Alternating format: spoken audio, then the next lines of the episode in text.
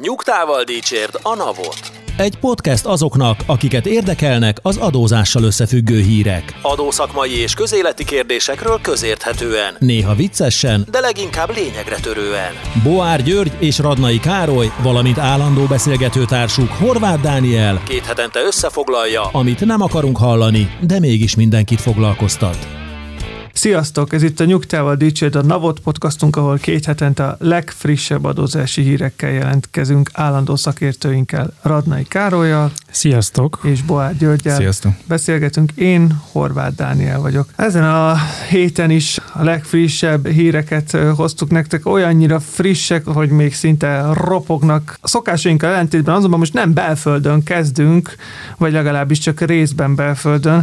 Az Európai Unióban ugyanis megszületett az energiaipari intézkedés csomag. Október 6-án fogadták el a kötelező érvényű vonatkozó rendeletet, amely október 7-től hatályos, és hát adó megfontolású intézkedéseket is tartalmaz, érinti a villamosenergia termelőket, rájuk nézve egy bevételi plafont vezettek be, és érinti a földgáz, illetve földgázipari szereplőket is, például a MOLT is érinti, akikre pedig egy szolidaritási hozzájárulást vezetett be az EU.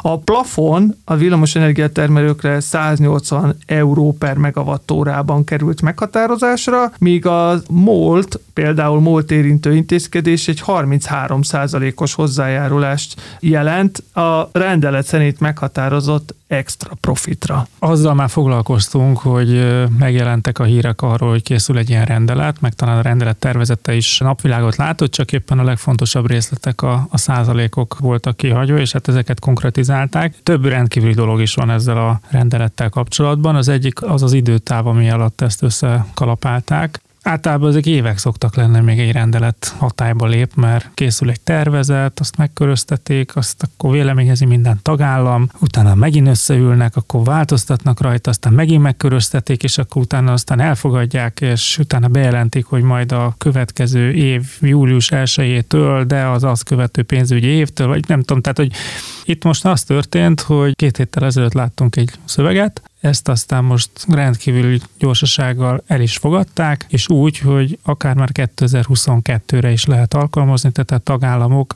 ezt az adót kivethetik a vállalkozóikra már 2022-ben is.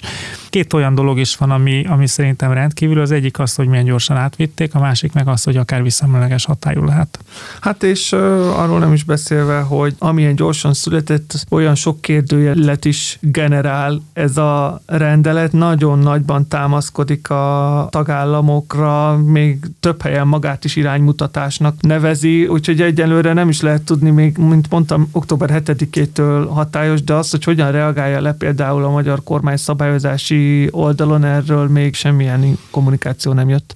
Szerintem még nem menjünk el amellett, a tény mellett sem, hogy ez egy rendelet. Tehát, hogy azért az adózás terén eddig leginkább direktívákkal találkoztunk, ez meg egy rendeleti szabályozási forma, aminek majd születik egy végrehajtási rendelete egyébként, ami ha jól tudom, akkor majd a részleteket fogja tartalmazni.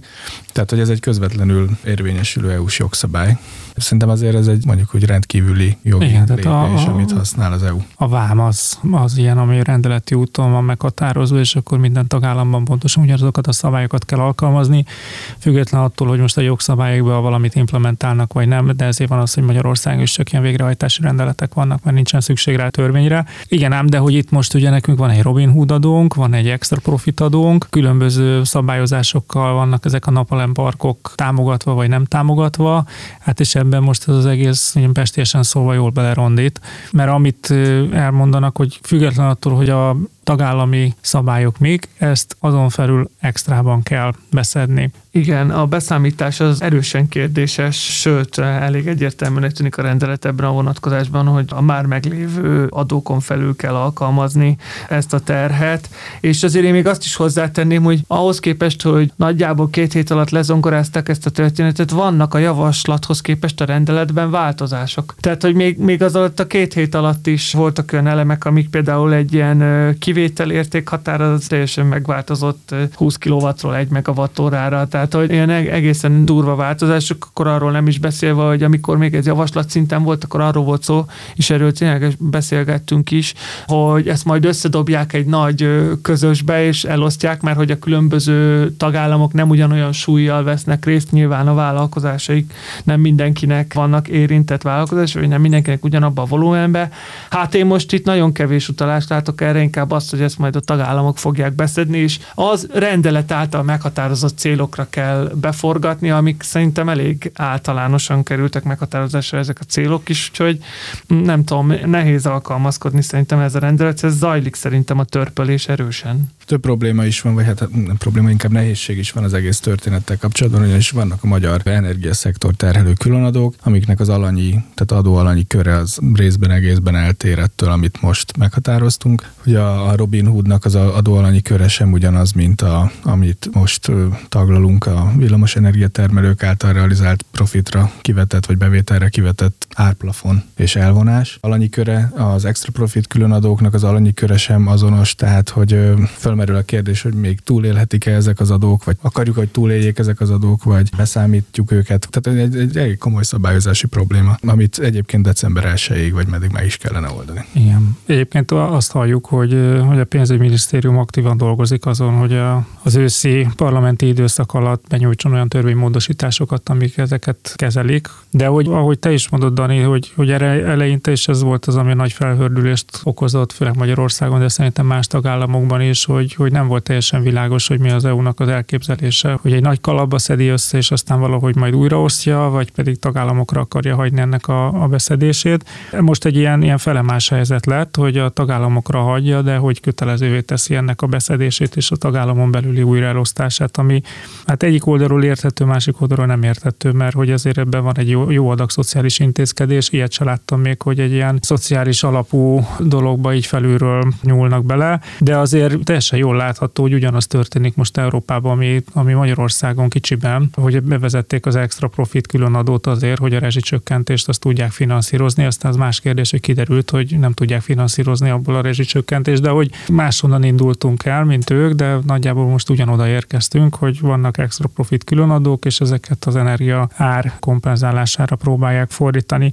Két dolgot kiemelnék ebből, mert hogy nagyon sok szempontból újszerű, de hogy olyat sem nagyon láttunk, hogy, hogy lényegében egy ilyen hatósági árat vezet be az EU, hogy azt mondja, hogy 180 euró per megawattóra feletti bevétel az, az lényegében 100% elvonásra kerül adóformájában. Ez is egy egészen meglepő dolog. A másik pedig ez az extra profit különadó, hogy ez, ez számítódik, és az, hogy 2022-re már, már lehet alkalmazni. Tehát, hogy nyilván, hogyha most egy olyan szituációról beszélünk, hogy a háborús helyzet miatt extra profitja van egy, egy energiacégnek, akkor hát lehet, hogy morálisan el lehet fogadni, hogy 2022-re alkalmazható legyen, de hogy ahogy Magyarországon is nagyon nem szerettem, hogy visszamenőleges jogalkotás történik, EU szinten meg még jobban nem tetszik mert hogy ezek, ezek mindig ilyen rossz precedenst teremtenek, amikor ilyen morális alapon azt mondjuk, hogy hát most morális alapon belefér, hogy visszamenőlegesen adóztatjuk meg őket, mert egyébként milyen jól jártak, mert akkor legközelebb meg majd azokat fogjuk megadóztatni, akik már nem jártak olyan jól, de hát itt volt a precedens, hogy itt ilyet már egyszer lehetett, és akkor innentől szépen majd eljutunk oda, hogy aztán utána egy hatalmas káosz lesz, ugyanúgy, mint Magyarországon.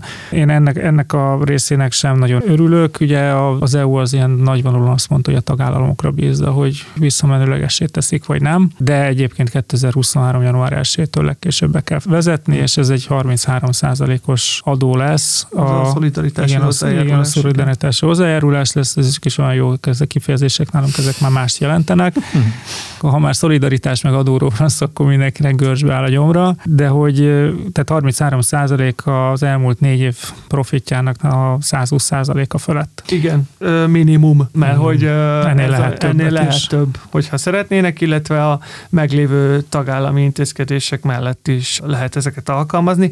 Ami még nekem föltűnt, és felvetném még ezt a témát felétek, hogy azért a magyar adórendszer, mint ahogy taglaltuk is, már ismeri ezeket a szektorális adókat egy ideje, és annak idején a Robin Hood adót is úgy vezették be, hogy majd az egy ideiglenes adó lesz. Ebbe a rendeletbe is talán az ideiglenes az a szó, ami a legtöbbször szerepel, de hogy mennyire lesz ez ideiglenes, én erre lennék, és nyilván csak a jövő tudja megadni rá a, a választ, de hogy amikor én egy piaci szereplő vagyok, és egy ilyen terhet rám szabnak, akkor itt mindig azon érdemes szerintem elgondolkodni, hogy jó, és akkor meddig termelődik az extra profit, vagy hogy, med, med, ez, hogy... Hát az extra profit adó az egy egyszerű matek példa, mert az négy év alatt kiegyenlítődik, tehát hogyha mindig az elmúlt négy év átlagához nézzük a, az extrát, akkor egy idő után mínuszba fog fordulni, és akkor meg nem lesz semmilyen extra profit, mert akkor a, a magas évek után jönnek az alacsonyabbak, vagy hát hogyha exponenciálisan növekszik valami, akkor az meg nem, nem tud a végtelenség menni, tehát hogy objektív határai lesznek. A másik az viszont az szerintem az, tehát itt szerintem nincs felesleges arról beszélni, hogy kivezetik-e vagy nem, mert az kivezetődik magától a matematika alapján. Ez a 180 megawattóra, vagy 180 euró per megawatt. Ugye itt abból indult ki az EU, hogy itt ezek ilyen nagyon alacsony költségszerkezetű erőművek, tehát hogy nincsen működési költségük, van egy beruházási költségük, emiatt egy magas amortizáció, de ez egy alacsonyabb piaci áron lett kikalkulálva, hogy megéri. Tehát innentől kezdve, hogy emelkedik az ár, a működési költségek nem növekednek. Én itt simán el tudom képzelni, hogy akkor ezzel a helyzettel így boldog lesz az EU, és akkor így próbálja meg, megfogni azt. Végülis ez is egy megoldás, nem feltétlenül legcélra vezetőbb, hogy adóval oldják meg a, a dolgot, de ugye ez, ez arról szól, hogy megállítják az árat. Igen, már többször elmélkedtünk arról, hogy az adónak mi a, mi a szerepe a társadalmi rendszereknek a kezelésében. Úgy tűnik, az EU némileg hangnemet váltott ebben a tekintetben a külső kényszerítő erők hatására. Érdemes egy pillanatra megállni és visszatekinteni erre az évre az energiaszektornak a szempontjából, hogy milyen cunami söpört végig az energiaszektoron az elmúlt időszakban, már mint szabályozási oldalról nézve. Itt ugye, ha csak a, csak a magyar szabályokat látom én persze, de hogy, hogy volt ugye a megújuló energiáknál a kátmetárból való kilépésnek a lehetősége bedobva a szabályozásba. Ott volt egy pár hónapig tartó bizonytalanság, aztán megjött az extra profit különadó. 65 százalék 65 százalékkal, és most itt vagyunk ősszel, és most itt van egy újabb csomag. Tehát, hogy így elmellett ugye még volt egy időszak, amikor a, a hálózati csatlakozásoknak a problémája is felmerült, ugye a, nem volt túl könnyű engedélyt kapni a hálózatra való csatlakozáshoz, illetve aztán pedig ugye a kiegyenlítő kapacitásoknak a biztosítása, a tároló vagy kiegyenlítő kapacitásoknak a biztosítása is felkerült az asztalra. Tehát egy ilyen szabályozási cunami mellett azért működni, meg beruházni, ez azért elég kihívás. Nem tudom, hogy ez bármilyen módon vissza fog-e köszönni majd a szabályozásban, hogy ezért ezt a piacot szétverni sem szükséges. Igen, beszélgettünk arról, hogy nagyon rövid idő alatt fogadták ezt a javaslatcsomagot. Mégis kicsit azt érzem, hogy az események után rohan az EU, mert most egy csomó országot abba a helyzetbe kényszerít. Nem Magyarország az egyetlen EU-s tagállam, amelyik az utóbbi időben ezt a szektort speciális szabályozással érintette, és most mégis ennek az újra gondolására kényszerül, ami nem azt mondom, hogy egy lehetetlenség, de nagyon rövid időtávon történik, és, és azért ezek olyan jellegű elvonások, amelyek kihatással lehetnek a energiaszerkezetre. Mit értek ez alatt? Zöld átállásba gondolkodunk. Ugye az EU-nak még mindig kimondott célja a karbonsemlegesség elérése egy bizonyos időhatáron belül. Nem vagyok benne biztos, hogy ezek az intézkedések ezt a célt szolgálják, vagy inkább pont ellenerőként fognak hatni. Teljesen jól összefoglaltad, mert ez, ez abszolút ellene megy, mert ugye itt igazából most pont a karbonsemleges erőműveket adóztatják jobban, mert hát nyilván alacsony működési költség, eleme ugró energiaárak, azok náluk jelentkeztek, azok, ahol kibocsátásra, tehát gázzal, olajjal, szénnel mennek az erőművek, ott nagyon magas a működési költség, és azokat meg pont nem akarják adóztatni. Tehát, hogy ez abszolút ellentétesen hat. Nyilván ebből is lehet akkor azt gondolni, hogy az EU ezért ezt idénylenesnek tartja, csak nagyon kényelmes lesz. Tehát, hogy amikor így, így beáll erre mondjuk a állami költségvetés, és ebből nagy forrásai lesznek, akkor utána nehéz lesz megszüntetni. Ahogy azt beszéltük is, azt várjuk, hogy akár az őszülésszakban reagálnia kell, vagy nem is akár mindenképpen reagálnia kell a magyar kormánynak, meg a jogalkotónak, az országgyűlésnek erre uh-huh. a helyzetre. Még egy aspektus van ennek az egésznek, hogy a, csak a bonyolultságot hangsúlyozunk, hogy a tagállamok közötti megállapodások is születhetnek a, az adók újraosztásával kapcsolatban. Tehát, hogy elvileg még annak is meg kell születni december 31-ig, hogyha valakivel ilyen megállapodást szeretne kötni Magyarország. Igen, ott is van egy kötelező megállapodási kör, a nettó import függőség 100%-os mértéket meghaladó esetére, ott akkor meg kell állapodni, de egyébként ezen fogalom kimerítése nélkül is megállapodhatnak tagállamok az újraelosztásról, hogy aztán fognak-e, az majd kiderül, de ha ilyen bilaterálisok születnek, akkor nyilván azoknak is addig meg kell történnie, úgyhogy igen, ez abszolút így van.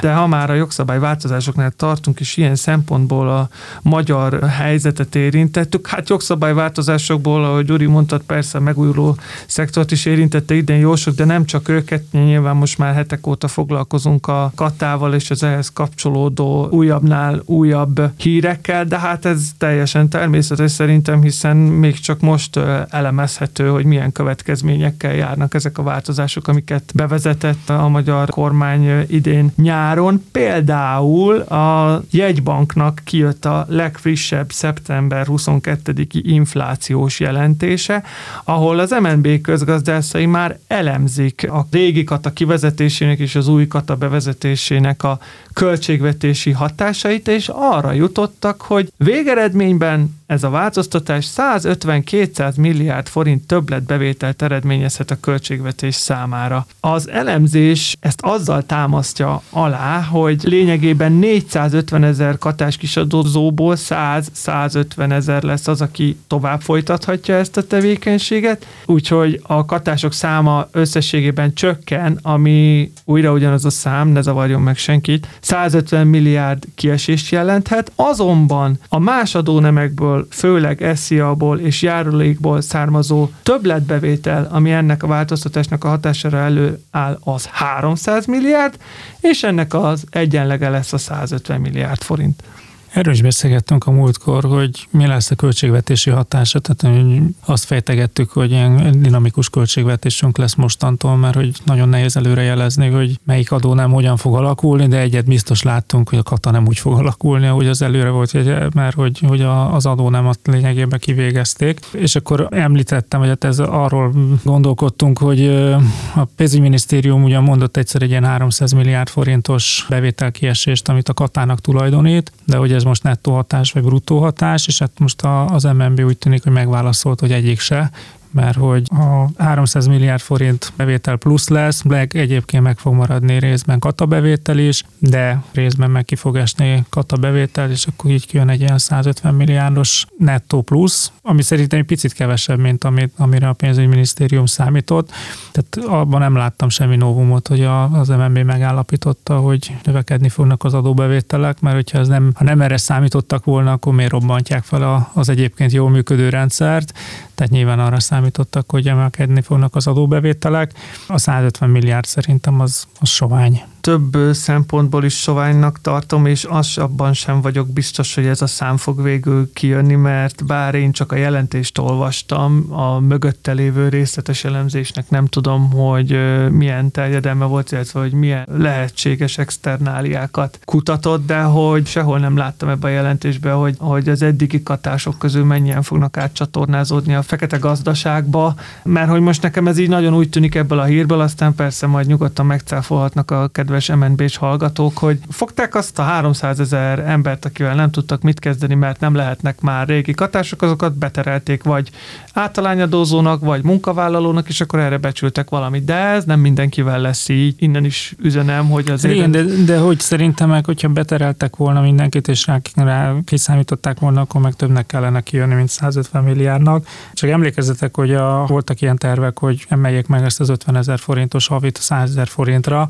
és hát az önmagában egy ilyen 200 milliárd forintos hatása lett volna. És arra húzta a száját a pénzügyminisztérium, hogy még akkor is elég nagy a, az adókiesés. Tehát, hogy ezért vagyok meglepő, hogy hát, ha 150 milliárd forint lesz a nettó szaldó, akkor nem volt egy sikertörténet ez az átalakítás. Jó, de biztosak vagyunk abban, hogy ez az átalakítás csak költségvetési célokat szolgált.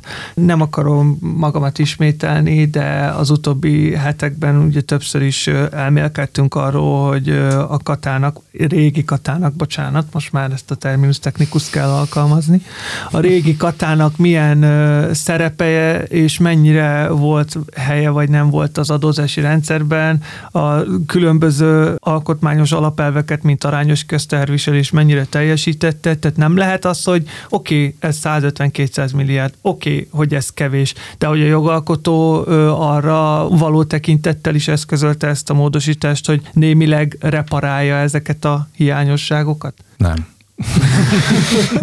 Köszönöm. De idealista feltételezés volt akkor ez a részemről. Én biztos vagyok benne, hogy, hogy nem voltak ilyen alkotmányos, meg egyenlő közterviselés alapelvével kapcsolatos aggályok a, a jogalkotó fejében maximum a magyarázatot illetően. Ez olyan szép kifejezés, ez a jogalkotó, amikor így, Igen, így el, elmaszatoljuk. Elmaszatoljuk.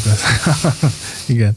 Szóval, hogy én nem gondolom. Eladni el lehetett a sztorit ezzel, de egyébként, ha ez lett volna a cél, mármint, hogy ez lett volna az egyetlen egy szándék, akkor nem kell ennyire kapkodni. Ugye azt, hogy miért nem emelték meg a katát, azt az egyértelműen azzal indokolták, nem hivatalosan, de nem hivatalosan, hogy az adóemelés lett volna, és az politikailag nem fér bele. Az adót nem emeljük, csak éppen ellehetetlenítjük, és ezért aztán átkényszerítjük az adózókat más adónemekre. De hogy akkor is azt gondolom, hogy ez összességében kevés az az összeg, ami aztán lehet, hogy ez most egy indulás, lehet, hogy majd szépen be fog válni, majd meglátjuk, de hogy ha ennyi jön neki a szaldóból, akkor azt gondolom, hogy ez egy nem, nem egy sikeres átmenet. És ha már itt tartunk, hogy ki hova csatornázódik át a régi katából, hát ugye többször is lehetett olvasni, hogy a legtöbben általányadózó egyéni vállalkozók lesznek. Nos, az ő adminisztrációs terheiket szeretné csökkenteni az adóhatóság azzal, hogy egyszerűsített havi adó és járulékbevallási megoldást kínál az ONYA felületen. Ugye ez az ONYA felület, ez az ANK felületnek a párhuzamos útja. Az ANK az egy régi Java alapú felület, ahol be lehet adni bevallásokat. Egyébként ezt a bevallást itt ott éppen 2258-asnak hívják, és most már az is elérhető. A nem könyvelő hallgatóink kedvére, tehát általános nyomtatvány kitöltő, kitöltő igen. meg az online nyom, nyomtatvány adatlap. Vagy adatlap, igen. Nem igen. akarjuk elveszíteni a hallgatókat. Igen, igen. Na lényeg, na lényeg, De még, a lényeg. Még, a, még a számokat, a bevallási számokat is légy mond már be. Jó, oké. Okay. Lényeg a lényeg, hogy hát ugye többször is lehetett arról hallani, hogy aki átmegy általányadóba, annak nem csak az adóterhe nő, hanem a könyvelőt is meg kell fizetnie, mert a, míg katásként elég egyszerű volt az adminisztráció, az itt most már sokkal nehezebb. Hát most úgy tűnik, hogy részint ezeket a terheket csökkentik. Persze nem mindenki lehet érintettje ennek az egyszerűsített bevallásnak, csak a nem kiegészítő tevékenységet végző egyéni vállalkozók nyújthatják be, aki a katából kikerülve az általányadozást választotta, és emellett nem szüntette meg, és nem szüneteltette a vállalkozói tevékenységét a bevallási időszakban. Aki ebbe a kategóriába nem esik bele, annak a 2258-ast kell benyújtania, vagy az ennek megfelelő onya alapú teljes járulék bevallást. Szerintem ez egy zseniális megoldás. Innen is szeretném megdicsérni az adóhatóság munkatársait, akik egészen nagy sebességgel ezt összerakták, mert hogy ez pontosan megoldja azt a problémát, amit a, az általányadózással kapcsolatban megfogalmaztak, hogy nem olyan könnyű kiszámolni. Tehát, hogy vannak ezek az adómentes határok, mi a tevékenység, hogy a 40 vagy a 80, és akkor még a járulékot is be kell vallani, és azt nem ott kell bevallani, és egyébként meg, meg egy, egy bevétel alapú, tehát, hogy nincs, nincs költségelszámolás, ezért is általányadózás. Tehát, hogy egy egyszerű matek példa egy Excelben egyébként ki lehet ezt számolni, csak mindig más jön neki, és hogy mivel, hogy az online adatszolgáltatás miatt minden be van kötve a NAV-hoz, igazából ez, ez egy nagyon jó húzás a NAV-tól, hogy, hogy ja, hát akkor én ki is tudom számolni, és akkor ott a, az onyán meg lehet nézni, és csak el kell fogadni, és csak akkor kell, hogyha ha, tudom én, olyan számla van, aminek esetleg mondjuk a határidőn belül még nem történt meg a, az online adatszolgáltatás, és akkor azt ott ki lehet javítani, de valóban nem kell most akkor majd a külön a járulék kiszámítással, meg az adómentes résszel bajlódni, hanem rá lehet nyomni a gombra, és megy is be. Hát igen, nyilván itt most a nyár alatt mindenki, aki régi katás volt, az kényszerű adószakértővé avanzsált, mert legalább egy könyvelő ismerősével, vagy adótanácsadó ismerősével beszélt telefonon, vagy személyesen, hogy most mit csináljon, és akkor ugye a leggyakoribb válasz az általányadó volt, de azzal, hogy ahhoz mindenképpen könyvelő kell. Azért én fölhívnám a figyelmet arra, hogy ez a 20 22-58-as vagy onya, tehát ez a járulékbevallás, ez nem az egyetlen, ami novum a régi katához képest, tehát azért itt más jellegű problémák is fölmerülnek, helyi iparüzési adót se ugyanúgy kell bevallani az általányadózónak, mint a katásnak, csak hogy egy példát mondjak, és akkor az adó előlegekről még nem is beszélve, amik úgy szintén felmerülhetnek. Szóval azért ez még szuper, hogy az adóhatóság gondolt erre, de ez minden problémát azért még nem old meg. Minden esetre abszolút dicséretes, hogy ők legalább gondolkodtak ezen. Bennem inkább az merült fel, hogy nem lehetne az összes többit is így leegyszerűsíteni. Tehát, hogy...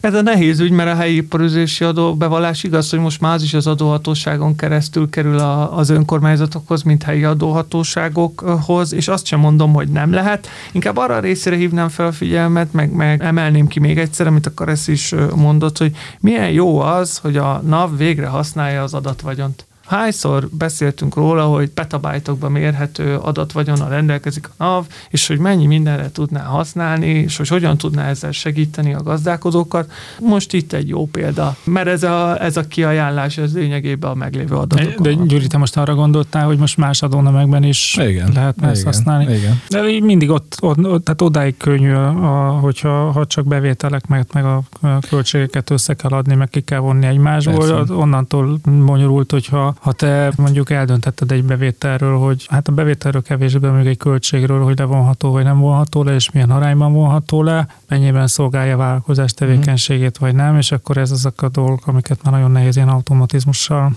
kezelni. Én értem mondjuk így a megoldásnak az értékét nem elvonva, vagy, vagy, vagy megkérdőjelezve, mert ez tényleg egy tök jó dolog, hogy most volt egy kényszerhelyzet, amit, amit valahogy kellett kezelni, és erre most előrökkoltak viszonylag, egyébként tényleg viszonylag gyorsan, szerintem ez tényleg parom jó, egy megoldással egy bizonyos körnek, egy bizonyos típusú bevallására. De hogy ö, ott van még egy pár bizonyos kör, akik szenvednek ezekkel a bevallásokkal. Hát próbálkoznak, tehát hogy ugye az EAFA-ra is láttuk már törekvéseket, most is zajlik a munka ezzel kapcsolatban, beszéltünk is róla, kint van a GitHubon egy véleményezendő tervezet, azért az egy nagyobb falat többek között azért is, amit akar ezt elmondott, mm. tehát hogy az adóhatóság az utóbbi években is én azt gondolom példamutatóan hajtja a digitális fejlesztéseket, lényegében egy turbulens erő ezen a, a területen nyilván mindent nem fog tudni lefedni. Most ez egy olyan issú, amit előre vettek, mert egyértelmű, hogy Persze. sokakat érint, és, és azért az sem mindegy, hogy ez egy biztos, hogy egy nagyon népszerű megoldás.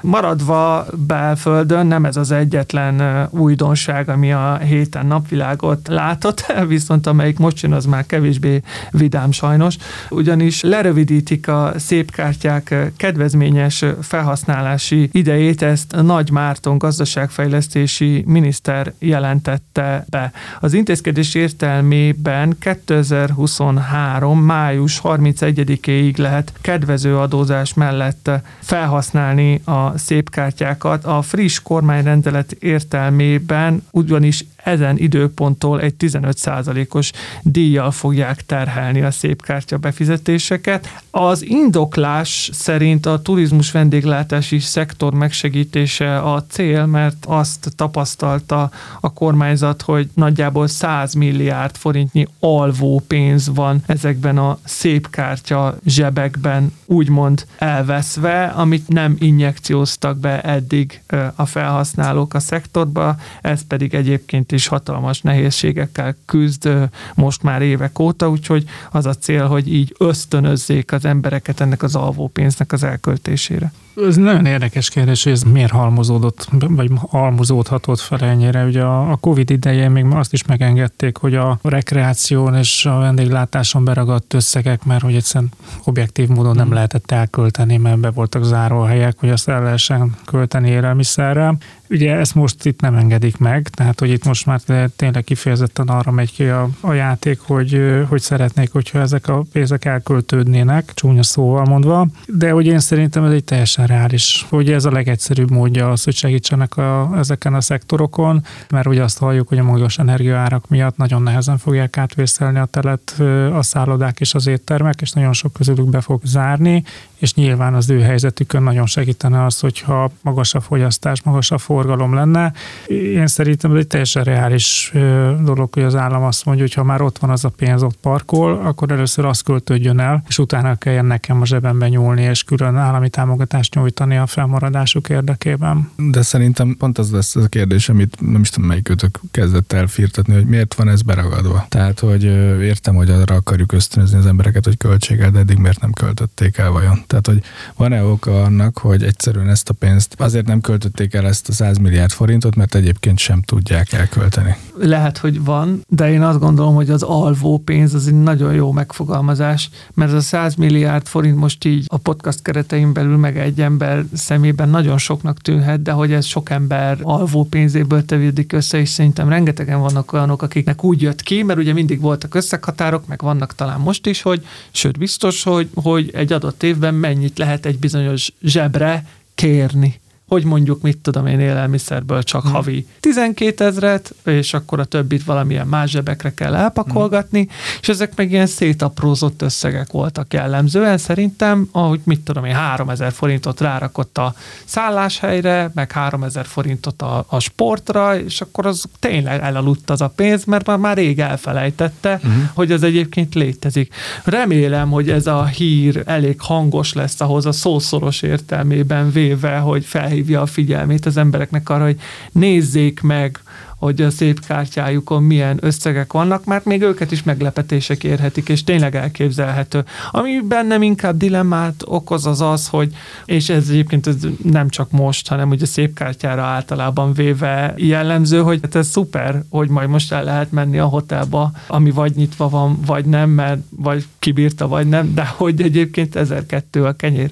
Tehát, hogy tök jó, de hogy nem biztos, hogy most erre akarnak költeni, úgymond az emberek. Hmm. Hát igen, ezért feszegettem, mert a koncepciót ezt értem, meg egyet is értek a karesszel, hogy inkább a meglévő forrásokat, tehát a, erre már elkülönített forrásokat költsük el az adott szektornak a megsegítésére, csak abban nem vagyok biztos, hogy ez, ez végül nem inkább egy elvonás jellegű tétel lesz, mert egyébként se tudtam elkölteni, vagy tudtam volna elkölteni ezt a pénzt. Na, ebben tök igazad van, de nyilván majd ki fog jönni arról is a hír, gondolom, hogy mekkora összeget érintett ez az elvonás végül, és akkor értelemszerűen arról is be fogunk számolni, azonban van még egy hazai hírünk, amire mindenképpen ki kell térnünk, ugyanis feketéző benzinkutasra csapott le a NAV. Mint egy 6700 liter gázolajat adott el adózatlanul egy dél-dunántúli benzinkutas, akit üzletszerűen elkövetett költségvetési csalás gyanúja miatt hallgattak ki a NAV nyomozója. Adatvagyonon alapuló kockázatelemzés eredményeként kezdtek el nyomozni a benzinkutasnál. Mint kiderült, megszüntette a dízel kút és a pénztárgép közötti kommunikációt, és feketén szolgálta ki üzemanyaggal egyes vevőit. A trükkel 6700 liter gázolajat adott el, és összesen nagyjából 1 millió forint áfát, valamint 570 ezer forint jövedéki adót nem fizetett be a költségvetésbe. A kutast tetten érték, elfogásakor éppen több száz liternyi üzemanyagot próbált értékesíteni egy fuvarozónak. Jó. Igazából 1 millió forint áfát és 570 ezer forint jövedéki adót nem fizetett be, tehát hogy legalább milliárdos lett volna, de hogy nem. Tehát, hogy azért ez egy elég ilyen kis piti dolog. Az, az látszódik, hogy a NAV nagyon jól tudja most már itt online adatok alapján összehasonlítani egymással a kutakat, és hogy gondolom, hogy vannak minták, hogy bizonyos területi régiókban milyen forgalma szokott lenni egy kútnak, főleg úgy, hogy még a múltban is, tehát hogy előző hónapban, és hát ezt egy ez egyszerű függvény nagyon szépen egymásra rakják, és akkor kijön, hogy itt, itt valami adatkapcsolati hiba van. Sőt, tehát ugye az adott kútnak a, forgalmához is képest is tudja mérni a, a NAV, tehát hogy azt látja, valószínűleg itt is ez történhetett, hogy tegnap még adtunk el dízelt, ma már egy, egy liter dízel sem ment el, és ma sem ment el, meg tegnap, meg holnap sem megy, akkor érdemes esetleg megnézni, hogy most bezárt a kút, vagy, vagy nem. Egyébként még a készletadatok is látszódnak, tehát hogyha feltételezem, hogy látszódik, nem, Dani? Tehát, hogy ja, abszolút. kb. Hány, hány liter lehet ott készleten, tehát, hogy Igen, ez egy, egy, ezért egy teljesen hülyeség, mert hogy a jövedéki termék egy, egy ilyen nagyon szigorúan ellenőrzött termék mennyiségre is, tehát, hogy oké, okay, hogy most azon bukott lett, hogy gyors folytatáson kapták, de hogy lopott az autó is, tehát hogy... De... Igen, az egyéb jogkövetkezményekről egyelőre a hírből nem esett szó. Számomra ez a hír pont a volumene miatt érdekes, hogy egyébként miből akarunk hírt csinálni, mert, mert arról nincsen hír napi szinten, hogy megint kiadott egy 1 millió forint adókülönbözetről szóló határozatot áfában a mit tudom én melyik területi adóigazgatóság, de arról van, hogy valaki adófizetés nélkül feketén értékesítette a gázolajat, szóval hogy nekem ez inkább ilyen kommunikációs szempontból érdekes, hogy miért pont ez a hír, miért pont most, de napvilágot látott. Olyan hír egyébként nincsen, Dani, hogy mondjuk sima hétköznapi személygépkocsit megtankolva hányan tankolnak naponta? Igen, tehát hogy biztos, hogy azt a hírt is el lehet érni, meg hogy ez volumenben mit jelent. Ez a 6700 liter, ez mondjuk egy molkuton 20 perc alatt megy el, vagy még nekik is eltartanak két napig, ameddig ennyi gázolajat eladnak. Hát szóval... szerintem 30 kamion, vagy nem tudom mennyi egy kamionban mennyi, de lehet, hogy mennyi 500 liter gázolaj is elmegy egy kamionba. De mindegy, tehát hogy azzal nem nagyon foglalkozunk, ami meg szerintem egy egy abszolút országos jelenség, hogy 480 forint a magánszemélyeknek a, az üzemanyag, és a, a jogi személyeknek, fuvarozóknak meg nem annyi. És hogyha nekem most van egy kis vállalkozásom, akkor minden nap megtankolok a személyautómba, hazamegyek, átfejtem a kis teherautóba, és aztán a kis teherautóval utána fuvarozok, és 480 forintból fuvaroztam, és hogy ez szerintem egy tök általános jelenség. Ezek nem elszigetelt példák, mm-hmm. hanem ebből rengeteg lehet, és hogy ez ugye ezért vezette be a MOL, hogy, hogy naponta csak egyszer lehet tankolni, de hogy valószínűleg azt is nagyon jól tudják statisztikákkal mérni, hogy mik azok a, a személyautók, amik most a, amik minden nap tankolnak. Érdekes módon minden nap tankolnak. Hát megnőtt a futás teljesítmény. Tehát, hogy, hogy idő után aztán bezárul a kör, és tényleg az lesz, amit cikkeznek, hogy el fog folyni a gázolaj, mert hogy nem lehet féken tartani a forgalmat. Mm-hmm. Igen, nekem nem ez a rész jutott eszembe erről az egészről, hanem egy, azt nem látjuk, hogy hányszor csinálta már, vagy csinálta már korábban ez a kutas, mert ha nem csinálta, akkor úgy érzem, hogy annyira nem érte meg ez az egész történet. Tehát egy jól lenne érteni a pszichológiáját is ennek az egésznek, tehát egy, egy erősen szabályozott és ellenőrzött területen ezek szerint viszonylag könnyen tetten érhető csalást csinál valaki, akkor ott, ott, ott mi zajlik le a háttérben? Hát illetve még az elrettentő erőhöz szerintem a nem győzöm hangsúlyozni, a megfelelő mértékű tájékoztatás is segített. Tehát, hogy én nem akarom azt mondani, hogy, hogy ez a kutas nem követte volna el az adott csalást, hogyha teljesen tisztában van vele, hogy az OPG vagy online pénztárgép adatait milyen szinten tudja elemezni a NAV, de abban se vagyok biztos, hogy teljesen tisztában volt vele, és hogy lehet, hogy akár ilyen preventív jelleggel is lehetne jobban, inkább ezeket lehetne jobban mm. kommunikálni. Ugye azért a kutasokat eléggé meggyötörte ez a, az, az árstop, tehát hogy az nekik elég sokba került, és itt most a szóban forgó példában is egy olyan benzinkutasról van szó, aki, ha jól értem, szólóban nyomult, és valószínűleg elköltötte minden pénzét, minden megtakarítását uh-huh. itt az üzemeltetésre, mert nem, nem is zárhatott be. Nem felmenteni akarom, csak valószínűleg, hogy, hogy ez, a, ez az egész történet nem fordult volna elő, hogyha a normál viszonyok között működhetett volna. Igen, ez is elképzelhető. És akkor a végére megint egy nemzetközi hír. Olaf Scholzig is győrűzhet az évszázad adócsalási botránya, az úgynevezett CAM-X botrány. Magyarországon erről kevesebbet lehetett hallani, de az utóbbi években abszolút jellemző adócsalási séma volt, ami több európai államnak is komoly költségvetési károkat okozott egyébként a legnagyobbakat az eddigi elemzések szerint pont Németországnak, és hogy mi is volt ez a botrány röviden, ez gyakorlatilag egy osztalékadó csalás volt. A törvények ugyanis korábban lehetővé tették, hogy úgy adják, vegyék az osztalék részvényeket az osztalék kifizetés napján, hogy később aztán lehetetlen legyen megmondani, hogy egy adott papír mikor cserélt gazdát utoljára osztalékkal, ez a CAM dividend, és kinél landolt először osztalék nélkül ez az ex-dividend, ami azért volt érdekes, mert hogy maga az osztalék kifizetése az egyébként adóköteles,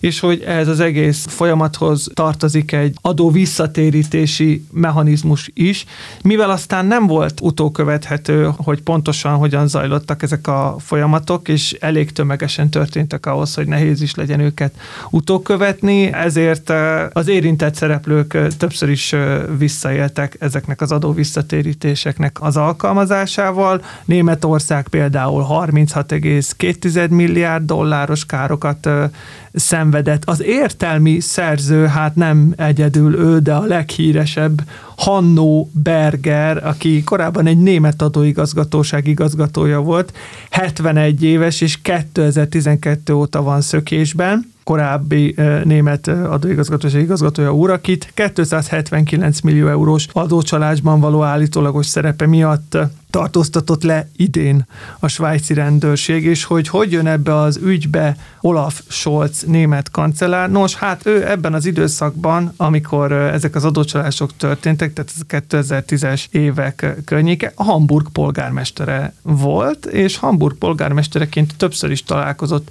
például a Warburg Bank társtulajdonosával, Christian Oleariusszal, akivel egyeztetéseket folytatott, méghozzá arról, hogy mi lesz a sorsa ezeknek a jogosulatlanul visszaigényelt vagy visszatérített adópénzeknek. 47 millió euróról van éppen szó. Hát Solc úr elmondása szerint nem emlékszik semmire az egyeztetésekből.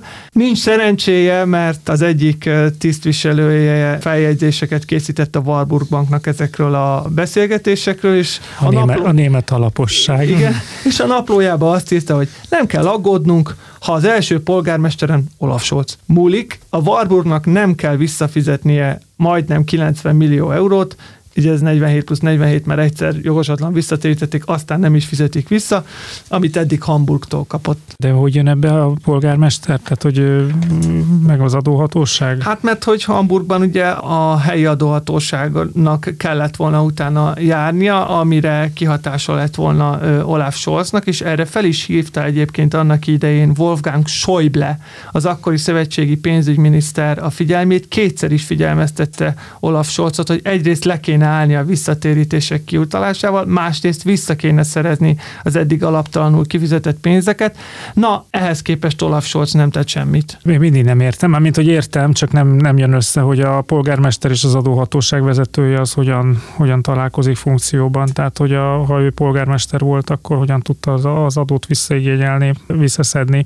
Na mindegy, ami nekem nagyon érdekes volt ebben a hírben, először ugye, amikor olvastam, akkor azt gondoltam, hogy ott biztos szigorúbbak az adószabályok, és azzal játszanak, mint amivel Magyarországon is nagyon könnyen lehet, hogy megveszem szerdán a matáv részvényt, csütörtökön osztalékot fizet, pénteken eladom, már nincsen matáv részvény, mindegy, Magyar Telekom, és akkor az osztalék az, az adómentes, mert hogy mint jogi személy vásároltam, és akkor az osztalék adómentes, viszont árfolyamveszteséget elszenvedek, és akkor pénteken eladtam, és akkor az árfolyamveszteség az, az nálam megtakarítás, de aztán úgy most így elolvasva figyelmesen a, a cikket, meg volt egy nagyon jó kis ábra, köszönöm Dani, hogy kikerested, hogy hát ez nettó adócsalás volt, tehát hogy ugyanazt az adót kétszer két eltérő személy is visszaigényelte, tehát itt nem arról szólt a dolog, hogy valami nem, egyébként nem levonható költséget megpróbáltam elszámolni, mm. hanem, hanem egy adót kétszer visszaigényeltem, úgyhogy ez azért ez egy elég durva adócsalás. Szerintem érdekes a történetben, hogy ha valakit egyébként érdekel, a Cumex fraudra rákeres a Google-ben, tetemes irodalmat talál hozzá, külön egy aloldal is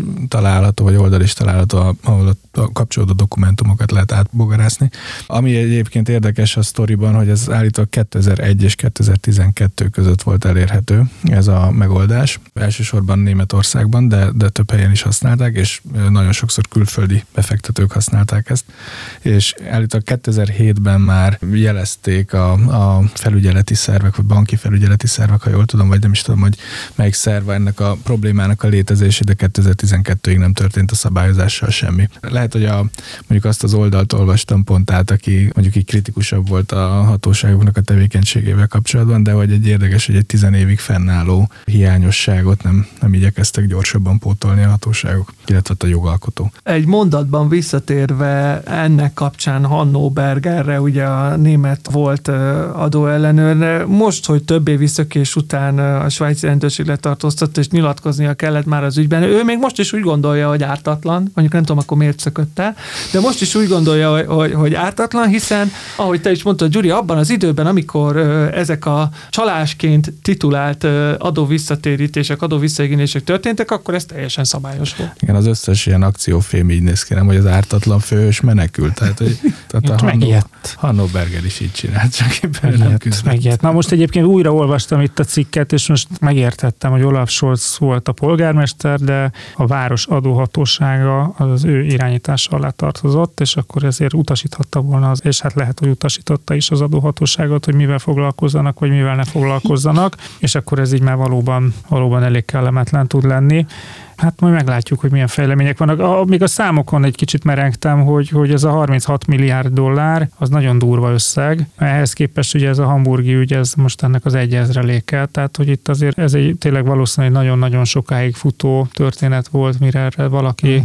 rájött, hogy itt, itt nem jön ki a matek, és valószínűleg lett egy költségvetési lyuk, van egy X osztalék, annak egy X-szer, valahányszer százalék, 25 százalék osztalékadója van, és aztán aztán az osztalék adóbevételek azok drámaian csökkenni kezdtek. Igen, már csak azért is van ez így, mert bár az ábra, amit mi használtunk, az három szereplős adócsalást feltételez, itt ez akár több szereplővel is elképzelhető, és akár több adó visszatérítéssel is mondjuk ugyanannak a részvénypaketnak a kapcsán, szóval szerintem ez egy ilyen kumulált. Szerintem ezt az ábrát majd kirakjuk a, a honlapunkra. Igen, igen, elérhetővé tesszük, és akkor mindenki egy kicsit közelebbről is igen. ismerkedhet ezzel a történettel, mert tényleg ez nálunk nem kapott nagy nyilvánosságot. Igen, a volumennel kapcsolatban egy kis extra info, hogy Dánia is érintett volt az ügyben, bár nem olyan volumenben, mint, mint mondjuk Németország, vagy egy-két másik ország, szerintem Franciaország volt még a, uh-huh.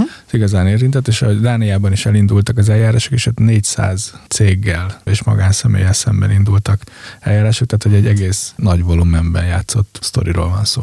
Igen, most már csak az a kérdés, hogy Magyarországon kimaradtak belőle, vagy csak nem kapott megfelelő nyilvánosságot, és ezért nem hallottunk róla. Igen, az egyik potenciális folyamánya, vagy fejlemény ennek az ügynek, hogy az európai jogalkotói hangok azok azt, azt kezdték el ezzel kapcsolatban súlykolni, hogy az információ cserét azt, azt sokkal jobban kellene csinálni, meg sokkal szigorúbbá kellene tenni, annak érdekében, hogy ne tudjanak kialakulni hasonló, hát mondjuk megoldások, vagy sémák, amiket adóelkerülésre lehet használni. Igen, nyilván a hír most a német kancellár miatt kapott különösen nagy figyelmet, de értelemszerűen ez a volumen abszolút nem csak Hamburgot érinti, hanem több államot is, ahogy mondtuk, és természetesen, hogyha további fejlemények lesznek, akkor esetleg mondjuk Solc úrnak eszébe jut valami, akkor arról be fogunk számolni. A mai napra azonban ennyi hírre jutott időnk. Kedves hallgatók, köszönjük szépen, hogy velünk tartottatok. Tegyétek ezt legközelebb is. Sziasztok! Sziasztok! Sziasztok! A Nyugtával Dícsért a Napot podcast adását hallottad. Az elhangzott kijelentések és vélemények a műsorvezetők és vendégeik magánvéleményét tükrözik. A műsornak nem célja az adótanácsadás, és nem is minősül annak.